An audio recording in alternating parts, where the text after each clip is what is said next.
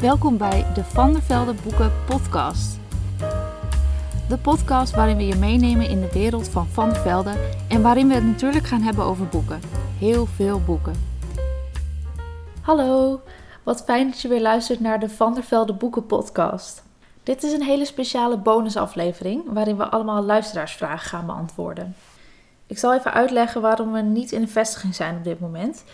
Woensdag 28 mei was natuurlijk de heugelijke dag dat de winkels weer open gingen zonder afspraak. Die week begon ook de meivakantie. En dat was te merken. Het was en is echt gigantisch druk. Echt ontzettend leuk ook, maar het was wel een hele omschakeling. Ehm, nou ja, goed, het is dus erg druk in de winkels en daardoor is het moeilijk om een nieuwe aflevering, uh, ja, een reguliere aflevering op te nemen. Ik kan bij deze ook wel even uitleggen hoe dat dan precies in zijn werk gaat. Uh, we gaan dus altijd naar een vestiging toe en nemen daar onder werktijd de podcast op. Zo kost het de meeste mensen geen extra tijd en zijn we allemaal weer op tijd thuis. Over het algemeen dan. Uh, we zijn deze podcast natuurlijk begonnen midden in de lockdown. Juist omdat er toen wat minder werk voor ons was. En daarom kon elke aflevering makkelijk gepland worden. Naarmate we weer meer open mochten, eerst op afspraak en nu dus weer helemaal, uh, wordt het lastiger om iets te plannen, omdat iedere medewerker gewoonweg nodig is in de winkel zelf. Daarom even deze aflevering tussendoor. Ik ga met drie mensen bellen om antwoord te krijgen op een aantal vragen. Rutger, Marjan en Monika. Zelf beantwoord ik ook nog een leuke vraag die we van jullie als luisteraars hebben binnengekregen. Laten we dan maar snel aan de koffietafel aanschuiven. In deze aflevering komen we erachter dat Van der Velde niet alleen een boekhandel is geweest, welke 16-jarige jongen een fantastisch natuurboek heeft geschreven en hoe je van je oude boeken toch nog een zakcentje kunt bijverdienen. De eerste vraag komt van Randy en Marie-Louise, die ongeveer dezelfde vraag stelden. Hoe is Boekhandel van der Velde ontstaan en verder uitgebouwd? Voor dat antwoord bel ik met Rutger van der Velde, eigenaar van het familiebedrijf. In 1892 was hier in Leeuwarden op de Nieuwe Stad, in de hoekje tegen Nieuwe Stad, een boekhandel gevestigd, de firma Noé. Destijds was mijn overgrootvader, uh, Rinse van der Velde, die was daar werkzaam. En uh, op nou, enig moment, 1892, kreeg hij de kans om de toenmalige boekhandel, de firma C. Noé, over te nemen. En dat heeft hij destijds gedaan. En ja, niet lang daarna kwam natuurlijk boekhandel R van der Velde op de gevel te staan. En vanaf die tijd is het, zeg vijf generaties, een boekhandel van der Velde. Mijn, mijn grootvader, dat was Rinse van der Velde. En daarna in, zeg maar rond 1920 kwam mijn opa erin. Die heette uh, A3 van der Velde. En um, op een gegeven moment kreeg mijn opa en oma kregen een, een aantal kinderen. En mijn vader was dan Adriaan Rinse van der Velde. Nou, dat was natuurlijk A3 en Rinse. Het, was, zat er een beetje in, in, in, in volgebakken, alsof hij dus uh, ja, ook wel het kon. Hij had namelijk de namen van zijn beide voorouders gekregen. Uh, mijn vader is destijds inderdaad ook op de een of andere wijze in het familiebedrijf terechtgekomen. Ja, in het familiebedrijf is uh, altijd wel heel, um, voor, voor kinderen, het is altijd een, een, een dat is je leven. Je weet dat je ouders een bedrijf hebben. Dus altijd als er even wat is, dan moet je even komen helpen. En uh, nou ja, met de zomervakantie hoef je natuurlijk ook nog na te denken waar je vakantiewerk gaat doen. Maar je kunt altijd wel in het bedrijf van de ouders uh, komen helpen. In de jaren negentig, toen, vorige eeuw, toen kreeg mijn vader last van de gezondheid. Zijn het hart en eigenlijk moest hij uh, op dat moment een keuze maken. Ga ik hiermee door? Of, uh, en ga ik er dan ten onder? Of, of ga ik kijken of er toch een opvolging in de familie zit? En anders moet ik er misschien afscheid van nemen. En toen heeft mijn vader destijds gezegd, uh, nou, de eerste de beste die echt een gedegen HBO-opleiding doet voor het boekhandelsbedrijf, of in ieder geval een commerciële opleiding heeft gedaan, dan het bedrijf in. Ik wil niet dat iemand zo het bedrijf in gaat, zo zeg maar vanaf de middelbare school. Uh, mm. We hebben nog even de tijd destijds, zijn mijn vader. En ja, uiteindelijk heb ik in Amsterdam een, een, een vakopleiding voor boekhandel en uitgeverij gedaan. En daardoor ben ik uh, verder gaan in het bedrijf. En um, sindsdien, zomer 96, um, ben ik met destijds uh, meneer Beek Ad, die nog steeds bij het bedrijf is. En meneer Terpstra, bijvoorbeeld Anneke de Boer en, en, en, en nou ja, nog veel meer collega's eigenlijk in het, ja, in het bedrijf gegaan. Wat gewoon ook normaal functioneerde, draaide. Uh, het waren de tijd wel minder winkels. Ehm, en eigenlijk vanaf dat moment ook mede met, uh, met Ad, meneer Peek, aan de slag gegaan in het bedrijf. Vanaf dat moment had elk jaar had wel weer een uitdaging. Of het was de euro, of het was uh, een, een, winkel overnemen, of het was een winkel verbouwen, of het was een winkel verhuizen.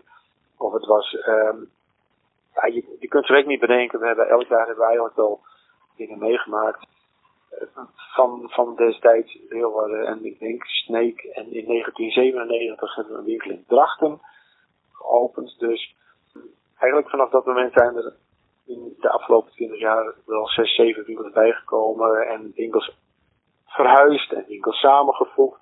Dus er is heel wat gebeurd met het bedrijf. Het bedrijf is natuurlijk door de jaren heen uh, wel gegroeid. In, in, in, de jaren, zeg maar, begin uh, 20e eeuw was de boekhandel ook nog een uitgeverij.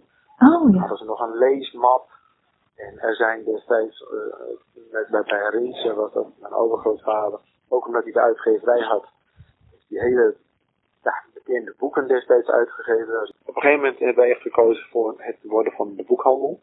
Dat merk je nu ook uh, uh, deze dagen, omdat we weer open mogen met de winkels en dan ook weer het publiek ontvangen.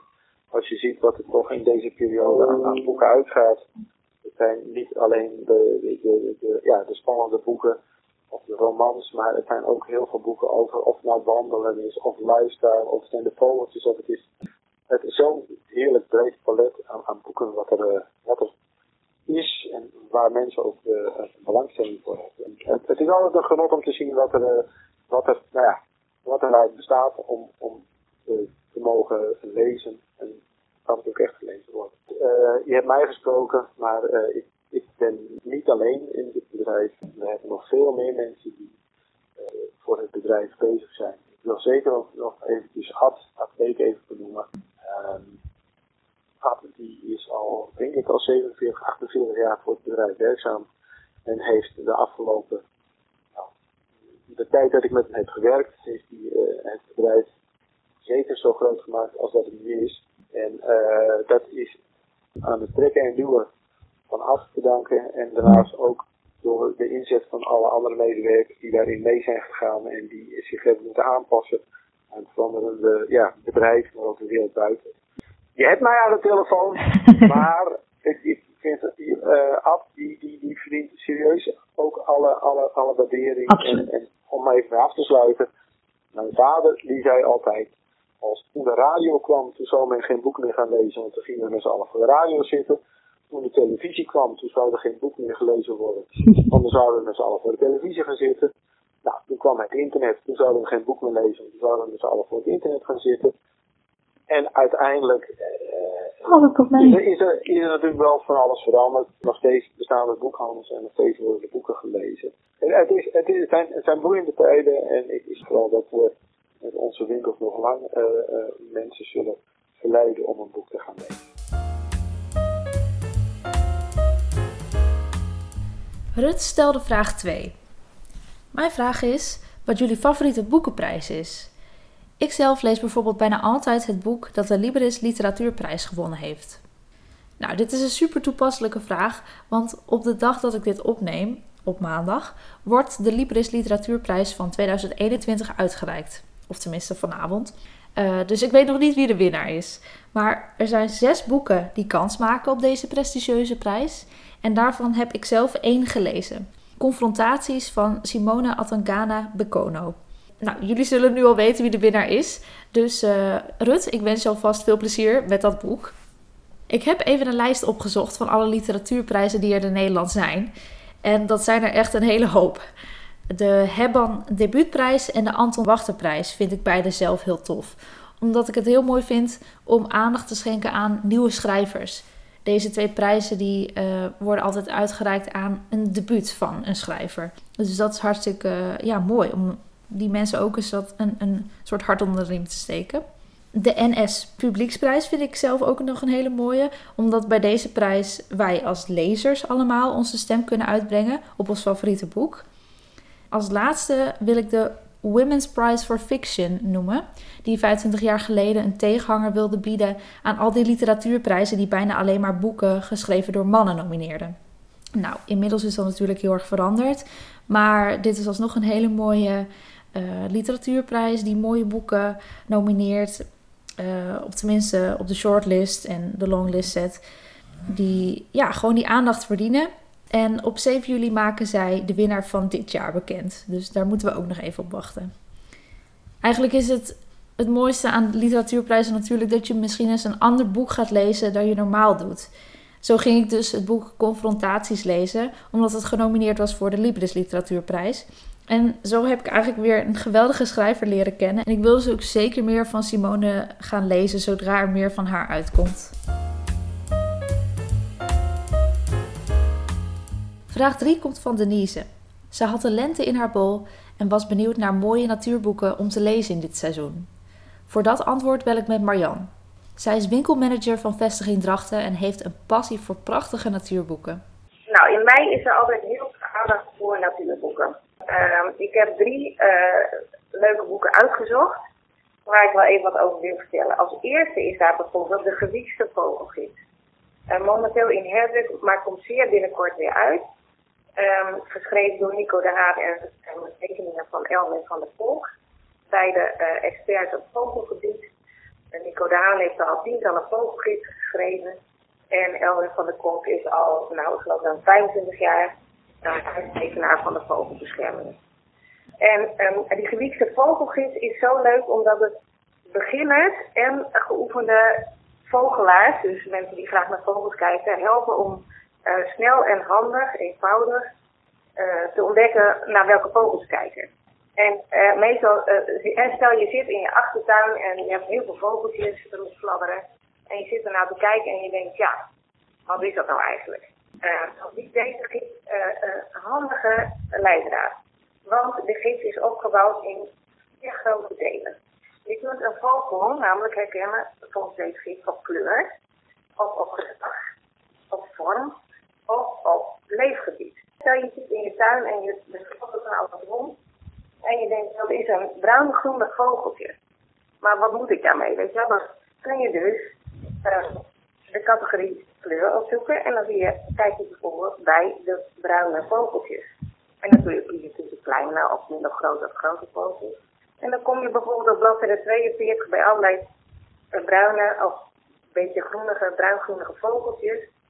En dan kun je daar in één oogopslag zien welke vogeltjes dan in aanmerking komen. Dus je hebt ze allemaal op groep bij elkaar. Je kunt dus bij de afdeling vorm uh, ook zoeken in het stukje het is een uil. En dan weet je niet dat de uil het is, maar dan zoek je op de vorm uil. En dan uh, kun je daarbij kijken, uh, zit dit bruine beest ertussen. En zo ja, dan is het een, bosuil. Weet je? Dus op die manier kun je ook ah. zoeken. Ja, dat is echt heel erg leuk. En je kunt dus bijvoorbeeld ook, uh, als je op pad bent, denken van, hé, hey, ik ben nu op het was. Welke vogels kan ik daar aantreffen? En het is echt makkelijk zoeken. Ik ben geen uh, geoefende vogelaar, maar ik kan in mijn tuin ondertussen ook uh, verschillende vogeltjes vinden. Dat is heel erg echt toegankelijk en heel erg leuk. En de tekeningen zijn fantastisch en uh, prachtig. En, en, daarnaast heb ik als tweede boek gekozen uh, Tuinmysteries van Julie Barton. Het ziet er prachtig uit. Het is een heel mooi, robuust vierkant boekje. En het is bedoeld voor mensen die graag in de tuin werken. En die zich dan wel eens dingen afvragen, weet je wel. Je komt allemaal dingen tegen van, nou, uh, is dit plantje nou uh, onkruid of niet? Uh, welke planten doen er het beste in mijn tuin? Het is dus geen tuingids voor het aanleggen van een tuin. Maar echt voor mensen die in een tuin graag bezig zijn en die zich dan dingen gaan afvragen. Deze gids is ook opgedeeld in handige categorieën, bijvoorbeeld uh, de categorie uh, zaden en planten of de categorie onder de grond. Um, zo heb je ook nog een categorie weer, klimaat en seizoen. En dan zijn er bijvoorbeeld in dit boek elke keer wordt één hoofdvraag gesteld. En op die bladzijde staat het antwoord kort en bondig beschreven in een mooi uh, kadertje. En als je meer wil weten dan dit korte en bondige antwoord, dan lees je de rest van die twee pagina's. Je kunt een snel antwoord vinden en je kunt ook een uitgebreid antwoord. En dat is dan weer bijzonder informatief. Zo kan je bijvoorbeeld afvragen, ehm, is kortmos een plant? Nou, dan staat er kort en bondig van, uh, het is eigenlijk net geen, en het is ook geen schimmel, het is een hybride, dus kortmos is niet in een hokje te plaatsen. Nou ja, dat weet je dan wel weer. En als je dan wat meer informatie wilt, de diepte in wilt, dan lees je de rest van de pagina. Gaat dan vrij serieus en af en toe zit er ook een grappig weetje tussen. Bijvoorbeeld hè, in de categorie in de tuin. Een vraag, um, waar komt nou eigenlijk de tuinkabouter vandaan? Nou weet je, dat is dan weer zo'n grapje. Maar um, in de regel is het vrij serieus en erg mooi vormgegeven. En je komt vragen tegen die je niet zelf had bedacht, maar die ook uh, enorm leuke informatie geven. Uh, het derde boek is het dagboek van een natuurjongen. Uh, geschreven door de Noord-Ierse um, Dara McAnulty. Um, hij heeft dit boek geschreven toen hij 15 was. Hij is nu 16. Wat al heel erg en, bijzonder is. ja, dat is ja. heel erg jong. Um, uh, Dara is echt een natuuronderzoeker, een schrijver, een milieuactivist met autisme. En hij beschrijft in dit boek een heel jaar, dus in dagboekvorm, um, wat hij allemaal tegenkomt. Hij, wil echt, hij is echt een natuurliefhebber. Hè? Dus de, de natural world is zijn ding. En hij wil eigenlijk dat mensen veel beter leren om te waarderen wat er buiten allemaal is. Hè? En zich daar veel beter mee verbonden weten en uh, beter gaan zorgen voor die natuur. En dus dat is zijn grote doel.